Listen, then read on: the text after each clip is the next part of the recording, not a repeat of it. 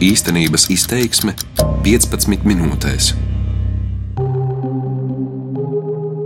Ukrainā ir bijusi karsta vasara un liels sausums. Tāds, pēc kuras sarūk ražas, gluži kā daudz viet citur Eiropā, bet tas, kā saka Ukrāņi, ir dabas lēmums un tam atliek paļauties. Citādi ir ar politiku un valsti pašu. Drīz būs pieci gadi kopš Eiro Maidana revolūcijas, kad tūkstošiem cilvēku izgāja protestos pret iesīkstējušo korupciju, pret varas lēmumu pieslieties Krievijai un nevis Eiropas Savienībai.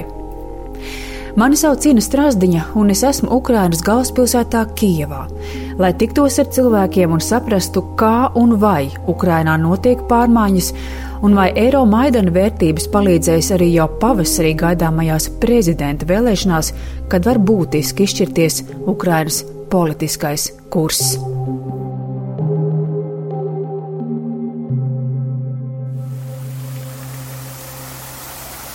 Maidana laukumā Kievas centrā šauts strūklaka, saplūstot ar cilvēku čalām.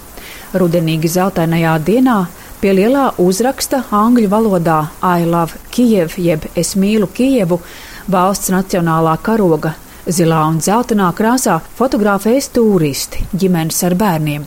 Puikas pelna naudu, ļaujot uz rokas paturēt baložus. Vēsturiskajā Maidana laukumā Ukrainas eiro revolūcijas simbolā un centrā Ik uz soļa ir atgādinājums par 2013. gada nogales un 2014. gada notikumiem. Lielas piemiņas plāksnes un fotografijas ar atskatu vēsturē un galvenajiem faktiem. Pie vienas no triumfa ārkas kolonām laukuma centrā piestiprināts lūkšanas teksts.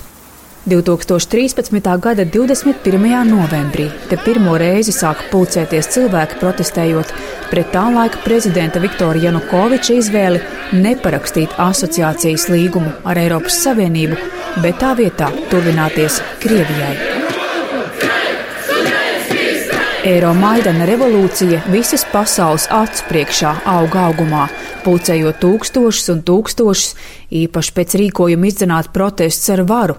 Februāra vidus izvērtās īpaši asiņains, prasot vairāk nekā simts dzīvību.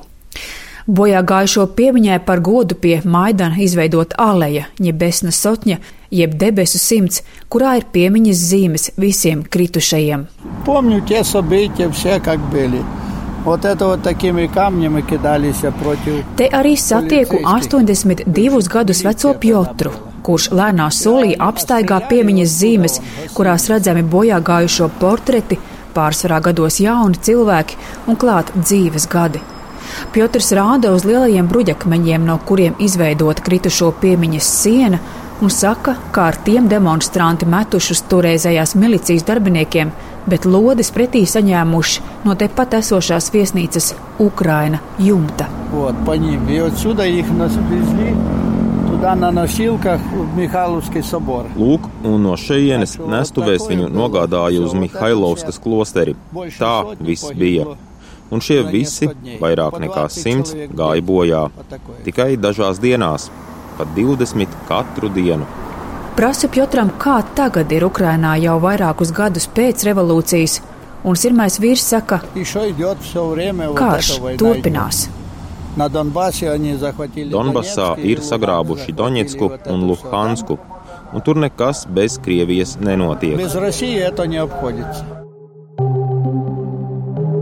Tūdaļ apritēs pieci gadi kopš notikumiem, kurus atceras Piotrs. Revolūcijas, kas satricināja Ukrainu un aizslaucīja veco varu, ļāva valstī parakstīt līgumu ar Eiropas Savienību un tajā pašā laikā lika zaudēt mieru valsts austrumos Kremļa atbalstītajiem separatistiem, sākot bruņotu konfliktu Donbasā un Krievijai anektējot Krimu. Tūdaļ pēc revolūcijas Ukraina piedzīvoja lielu ekonomisko un finanšu bedri. Turpinot cīnīties par atņemtajām teritorijām, valsts ir aizņēmusies naudu no starptautiskiem donoriem, Eiropas Savienības un Startautiskā valūtas fonda un pilda to prasītās reformas. Cenšas atbrīvoties no gadiem iemantotās korupcijas sērgas, sakārtot tiesu varu, valsts iestādes, Starp citu, Ukraina pirmā visā Eiropā ir izveidojusi pretkorupcijas tiesu, kurā strādās ārvalstu eksperti.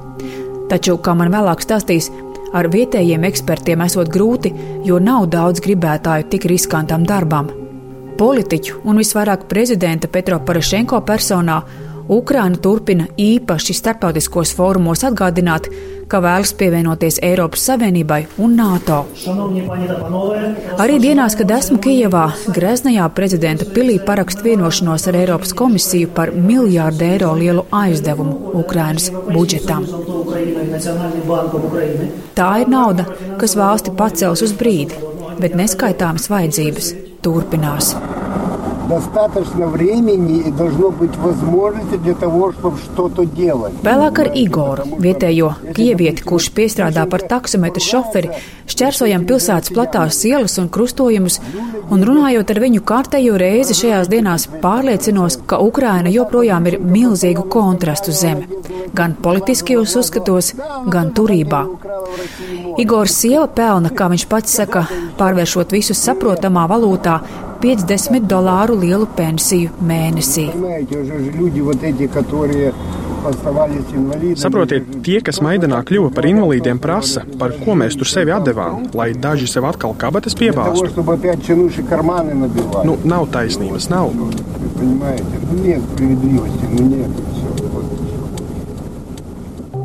Ukrainas ekonomika skaitļos aug, bet cilvēki savos makos to vēl nejūt. Lai būtu skaidrāks priekšstats, kā var iztikt, Igors vēlāk piezvana sievai un konsultējas par pārtiks cenām veikalos un izstāst man. Litrs piena maksā 22 ukrāņu grivnas, jeb 68 eiro centus, maize 15 grivnas, jeb 46 eiro centus, bet benzīns litrā teju eiro. Minimālā alga Ukrainā pārvēršot mūsu valūtā ir aptuveni 110 eiro viena no mazākajām Eiropas kontinentā un vidējā ap 300 eiro. Tajā pašā laikā Ukrainā ir miljardieri un oligārhi, kuru vārdi lasāmi pasaules bagātāko cilvēku desmitniekā. Un tas, proti, augošā ekonomiskā plājas starp iedzīvotājiem, gluži tāpat kā Maidana revolūcijas laikā aizstāvētās vērtības un konflikts ar Krieviju, būs viens no izšķirošajiem jautājumiem jau pavasarī gaidāmajās prezidenta vēlēšanās, kuras notiks nākamgad 31. martā, un oktobrī būs arī parlamenta vēlēšanas. Ну, во-первых, отмечу, что сложность э, ситуации будущего года. Gan par vēlēšanām, kuras aizturētu elpu gaidīs Ukrainā pašā, Briselē un nešaubīgi arī Maskavā, gan to, vai Ukrainas spēj un spējas noturēt Eiropas demokrātijas kursu, esmu atbraukusi runāt ar politikas studiju centra Penta valdes priekšsēdētāju Volodimiru Fesenko un viņš uzreiz saka, ka prezidentu pirmajā kārtā neievēlēs, būs vajadzīgs vēl viens balsojums aprīlī, cīņa būs смага. И, конечно же, э, очень важный вопрос в связи с этим э, – сохранится ли политический курс. Ārkārtīgi svarīgs ir jautājums, vai saglabāsies līdzšinējais politiskais kurs, jo pēc prezidenta un parlamenta ievēlēšanas būs arī pilnīgi jauna valdība ar jaunu premjerministru. Manā skatījumā visticamāk saglabāsies Eiropas integrācijas kurs, lai gan jaunajā parlamentā varētu palielināties to deputātu skaits, kuri nav šīs idejas piekritēji un iestājas par attiecību uzlabošanu ar Krieviju. Viņi tagad to tiešos vārdos nepasaka, taču iestājas par mieru un attiecību normalizēšanu ar Krieviju atbilstoši Putina nosacījumiem. Šobrīd ir redzama šo spēku konsolidācija, un tie, izmantojot sociālo-ekonomisko situāciju, var palielināt parlamentā savu ietekmi. Но думаю, что реванша не будет. Tomēr es domāju, ka revanša nebūs, jo pēc 2014. gada notikumiem, kad Krievija anektēja Krimu un sākās karš Donbasā, kad Ukraina, diemžēl, zaudēja kontroli pār daļu no šīs teritorijas, vismaz 4 miljonu vēlētāju, kas agrāk balsoja par bijušo prezidentu Viktoru Janukoviču un Krievijai draudzīgo reģionu partiju, mainīja savas domas. Tie politiskie spēki, kuri skaitās šīs partijas mantinieki, bez šiem vēlētājiem nespēs atgūt zaudēt to ne prezidenta, ne parlamenta vēlēšanās. Volodimirs Fesenko atzīst, ka arī Ukrainu, tāpat kā daudzas valstis Eiropas Savienībā un pasaulē, skar populistu vilnis. Tā iemesla dēļ, ka valstī ekonomiski un sociāli klājas grūti, un cilvēki varētu viegli uzķerties uz idejām un solījumiem, pārtraukt un gāzt visu, ko sākusi līdzinējā valdība. И, конечно же, наибольшие риски будут именно для экономических реформ. Vislielākais risks šajā gadījumā būs ekonomiskajām reformām sadarbībai ar Starptautisko valūtas fondu. Manuprāt, jaunajai valdībai, kas izveidosies pēc nākamā gada rudens, būs ļoti grūti izveidot vienotu sociālo-ekonomisko politiku. Mums būs ļoti smagas debatas par to, kā risināt pensiju problēmas vai turpināt reformas, kā tikt galā ar pensiju budžeta deficītu, ko darīt ar valsts parādu un visām liberālās ekonomikas reformām, kuras sāka Volodimira Groismana valdība. Nav šaubu, ka tuvojoties vēlēšanām, Krievijas ietekme augs prognozē Volodimirs Fesenko. Надо учитывать, что мы находимся ну, практически в одном э, языковом, э, культурном... Jāņem vērā tas, ka mēs ar Krieviju atrodamies praktiski vienā un tajā pašā valodas, kultūras un informācijas laukā. Līdz 2014. gadam tas bija pilnīgs saplūdis, bet pēc Krievijas agresijas Ukrainas vara pieņēma virkni ierobežojumu. Piemēram, pie mums kabeļtelevīzijās ir aizliegti Krievijas kanāli, ir aizliegtas vairākas Krievu sociālās saziņas vietnes. To tiesa mūsu laikmetā var apiet, taču šajā ziņā Krievijas ietekme ir samazināta. Raugoties, kā Krievija ir iejaukusies vairāku rietumu valstu vēlēšanās, var sagaidīt, ka Krievija centīsies izmantot sociālos tīmekļus, īpaši Facebook. Un tas būs daudz vienkāršāk, jo Ukrainā ļoti daudz izmanto šos resursus tieši Krievu valodā un nebūs grūti atrast krieviski runājošus ukrāņus, kuri varētu pastrādāt viņu interesēs. Uz Ukrainas prezidenta vietu gribētāju būs ļoti daudz. Tā prognozēja Ukrāņu žurnālisti. Šobrīd saskaņā ar aptaujām līdere ir bijusī premjerministre Jūlija Timošenko.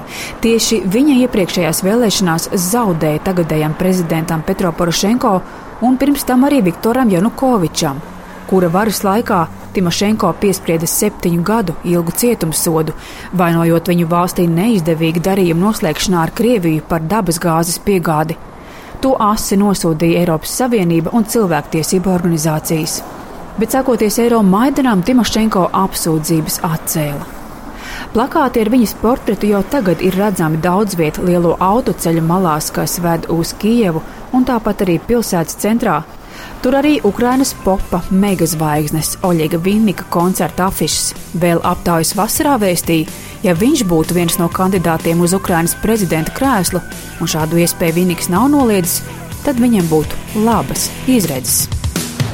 Ja mīg be pražīti na chlībī vadī. Arī Austrijā, Vācijā un Šveicē populārais Oļegs Vinniks ir viens no tiem ukrāņu mūziķiem, kurš ir pavēstījis, ka ne par kādu naudu nebraukt uz Krieviju. Vinniks arī dzied ukrāņu valodā, kas arvien vairāk un vairāk nostiprinās Ukrāņas popa un roka mūzikā.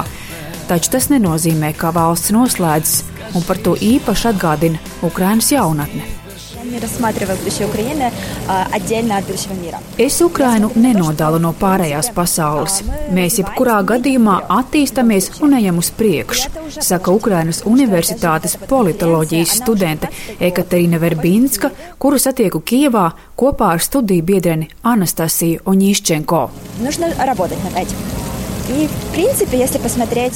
Nākotne mums ir, bet cik tā būs labvēlīga?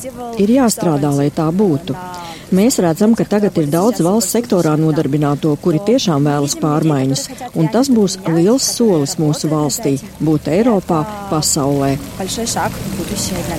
Tā saka Ekaterina, un Anastasija piebilst.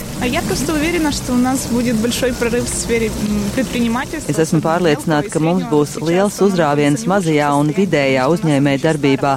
Tagad lielākoties tas vēl pakļaujas vecajai sistēmai, ka tikai atver mazus veikaliņus vai no paudzes paudzē nodod mazas kafejnīciņas, bet es redzu, ka arvien vairāk cilvēku, īpaši gados jaunu, sāk masveidīgi izmantot jaunākās tehnoloģijas, lai atvērtu savus uzņēmumus.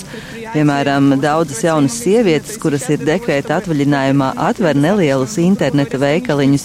Es domāju, ka tieši šajos mazajos uzņēmumos ir nākotne, Un tagad jo īpaši, kad sakārtos nodokļu jomu un uzņēmumu reģistrāciju, radīs šiem uzņēmumiem labvēlīgu vidi, kur attīstīties, tie tiešām nodrošinās Ukrainas nākotni.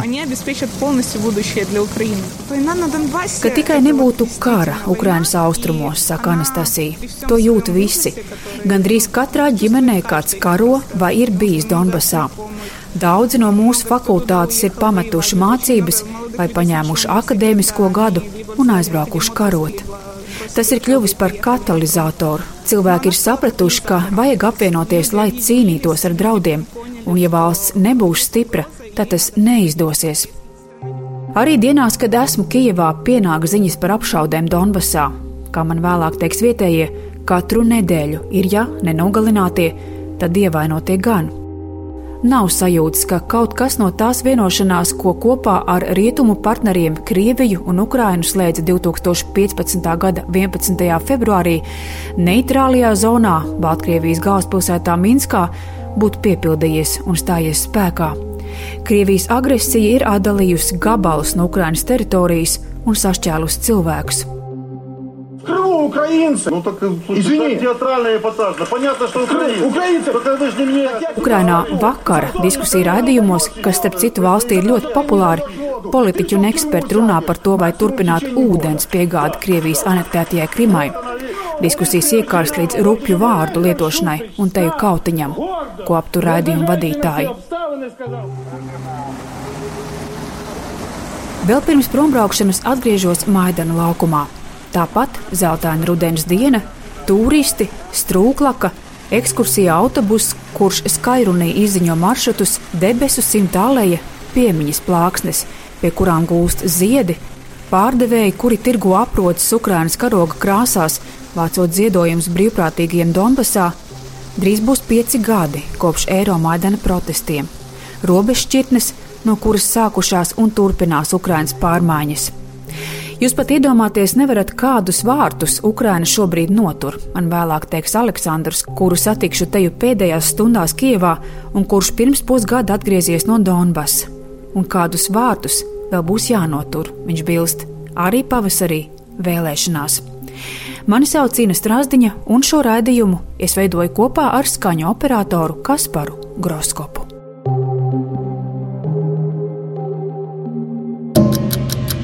Īstenības izteiksme 15 minūtēs.